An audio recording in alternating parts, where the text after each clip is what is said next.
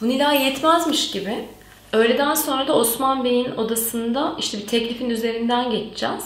Adam bir sinirlenmek, bir bağırmak. Ay sinirlerimi resmen bozdu ya. Nasıl bağırıyor ya sana? Bayağı bağırıyor böyle sesini yükseltiyor. Ne hakkın var ki yani bana bağırmaya? Değil mi? Allah Allah. Yani. Senin ses tonundan da belli ama sen sanki sinir olmuş gibisin. Ya ben sinirlenmedim tabii. Çünkü yani sonuçta ofis ortamıyız. Yani ofis ortamında öyle bir medeniyet çerçevesinde ben sinirlenmiyorum. Yani öyle bir şey yok benim tarafta.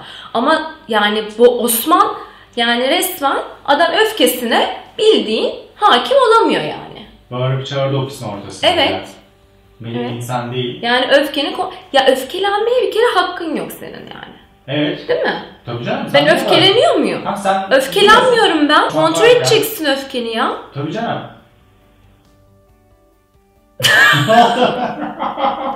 Kontrol ettim öfkemi ben.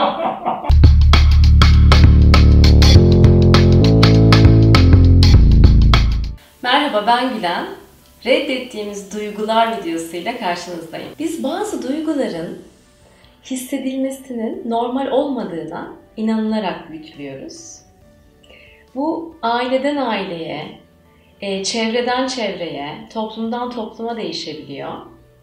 Genelde kadınlar mesela öfke duygularını hissetmelerinin çok da normal olmadığına inanılarak büyütülüyorlar. Erkekler de işte yas, üzüntü, keder gibi duyguların onlar için çok normal olmadığına inanılarak büyütülüyorlar. İşte erkek adam ağlamaz diye sonuçta bir lafımız var. Şimdi biz bu duyguların normal olmadığına inanılarak büyütüldüğümüzde genelde o duyguları da başka insanlara yansıtıyoruz. Yani başka insanlara projekte ediyoruz. Bu benim. Bu da bahsettiğim Nilay. Ben kıskançlık duygumla eğer barışık değilsem o duyguyu nasıl hissettiğimi, o duygunun bana neler söylediğini bilmiyorsam hop ben bunu Nilay'a yansıtıyorum. Diyorum ki Nilay kıskanç. Ve hatta etiketliyorum yani kıskanç insan, öfkeli insan gibi insanların üzerine hop etiketler yapıştırıyorum. Halbuki kıskançlık da, öfke de sadece bir duygu. Eğer mesajını dinlemeye biz kendimize izin verirsek geliyorlar ve geçiyorlar. Öyle çok uzunca süre kalmıyorlar.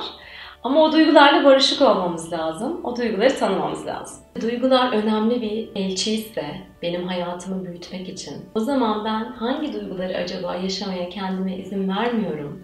Hangi duygularımla barışabilirim ve onların mesajını dinleyebilirim diye bakmam bana gerçekten çok hizmet eder, hayatımı büyütür. Onun için de bu diğer gıcık olduğum, tahammül edemediğim insanlar var ya, onlar çok güzel bir kendime bakma aracıdır.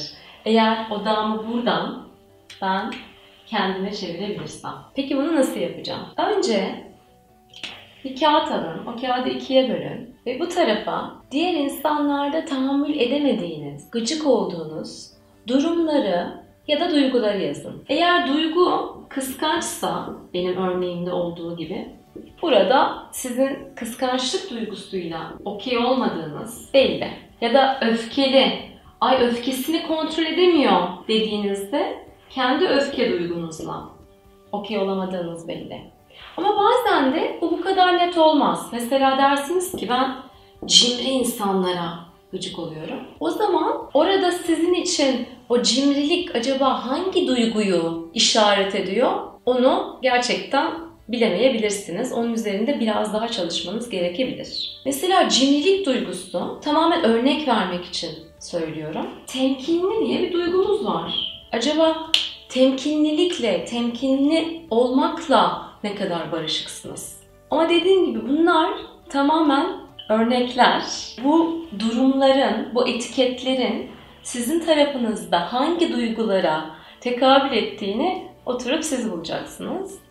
Ben yine bu videonun yorumlarına bir duygu ve ihtiyaç listesi de koyuyorum. Oradan o duygulara da bakabilirsiniz. Acaba bu hangi duyguya bakıyor diye. Evet şimdi bu videoyu durdurun ve bu alıştırmayı çok da değil şöyle bir 5 dakika kendiniz için yapın. Evet, videoma geri geldiğinizde göre bu alıştırmayı yaptınız. Ve burada sizin için e, çok da belki tanımadığınız ya da yaşadığınızda belki hoşunuza gitmeyen duyguları buraya yazdınız. Ben diyorum ki onlardan sadece bir tanesini seçin. Mesela kıskançlığı seçelim. O kıskançlık duygusu acaba bana neler söylüyor? Bu duygunun mesajı ne? Ona bakalım.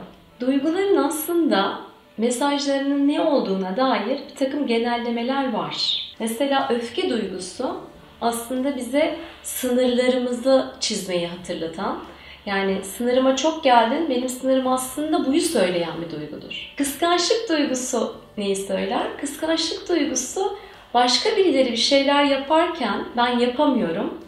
E demek ki o şeyleri yapmayla ilgili arzumu, yani kendini gerçekleştirme, hayatını büyütme, hayatını gerçekleştirme ihtiyacıma dair bana bir şeyler söyler. Bu genellemeler güzel çünkü bize gerçekten bir yol gösterici oluyorlar. Acaba bu duygumla oturup konuşsam ve o mesajları direkt ondan alsam o zaman bende çok daha derin bir farkındalık yaratır mı? O yüzden size önereceğim ikinci alıştırma da bununla ilgili. Ve bu alıştırmaya geçmeden önce hasetle ilgili, kıskançlıkla ilgili Leyla Navarro'nun şahane bir TED konuşması var. Ben linki onu da koydum. Onu seyretmenizi öneririm. O duygunun mesajını doğru algılayınca insanın hayatı nasıl değişebiliyor'a dair gerçekten çok güzel bir video. Alıştırmamızı şöyle yapacağız. Yine şunu biliyorsunuz, sakin, rahatsız edilmeyeceğiniz bir ortam yaratıyorsunuz kendinize. O ortamı yarattıktan sonra oturuyorsunuz ve 6 dakika yöntemiyle, yani ne demek 6 dakika yöntemi? Kalemi hiç kaldırmadan sürekli yazarak bilinç dışınızın kağıda akmasına izin veriyorsunuz. Bu sefer neyi yazacaksınız? Kıskançlık duygunuz olacaksınız ve kıskançlık duygunuzun size konuşmasına izin vereceksiniz. En az 6 dakika yazın. Eğer kalem akıyorsa yazmaya devam edin. Belki arada sıkılmalar gelecek. İşte sıkıldım. Ben niye yapıyorum ki bunu falan onlar gelecek. Onları da yazın. Ve kendinizi serbest bıraktığınızda emin olun o kıskançlık duygusu size konuşacak. Onun mesajlarını dinlemek üzere yargılamadan o çocukların merakıyla kıskançlık duygumun bana mesajı nedir diye bir bakın. Evet şimdi videoyu durduruyorsunuz ve o seçtiğiniz duyguyla bir baş başa kalma çalışması yapıyorsunuz. Videoya geri döndüğünüzde göre bu çalışmayı yaptınız ve yeni mesajları duydunuz. Bu mesajları ve yeni farkındalıklarınızı benimle paylaşırsanız çok mutlu olurum. Çünkü gerçekten sizden gelen mesajlar ve bu videoların bir işe yaradığını bilmek beni çok mutlu ediyor. Duygular aynı zamanda bizim için büyük bir enerji kaynağı. Biz onları bastırmaya, kontrol etmeye çalıştıkça enerjimizin çok büyük bir kısmı da yitip gidiyor. Ve hani ben öfke duygumu kapatayım olmuyor sadece. Öfkeyi kapattığımızda içimizdeki o coşkuyu, yaşam sevincini de kapatıyoruz. O nedenle bu duygulara bakarken yani bu negatif diye adlandırılan e, konforsuz duygular, öfke, kıskançlığa da bakın. Aynı zamanda acaba coşkuyu ya da gururu ne kadar yaşamaya kendinize müsaade ediyorsunuz ona da bakabilirsiniz. Ben size şu küçük kartları da göstermek istiyorum. İki gün önce geldiler. Hala heyecanı içerisindeyim bunların. Ece Cengiz Tekin yapıyor bunları. Simpla Artwork. Bunları neden sevdim? Çünkü elinizde böyle hissedip ya ben iyimserliğe mesela kendime ne kadar müsaade ediyorum. Korkuya ne kadar müsaade ediyorum. Korkumun bana mesajını biliyor muyum diye şöyle bakıp hissetmek için gerçekten çok böyle şahane kartlar yapmış. Onun da linkini koyacağım aşağıya. Bu bir reklam değildir. E, Gülen'in coşkusunu paylaşma hareketidir bu arada.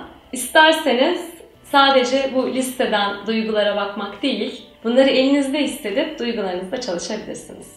Bu videoyu beğendiyseniz ve her hafta yayınladığım videolarımı kaçırmak istemiyorsanız kanalıma abone olmayı lütfen unutmayın.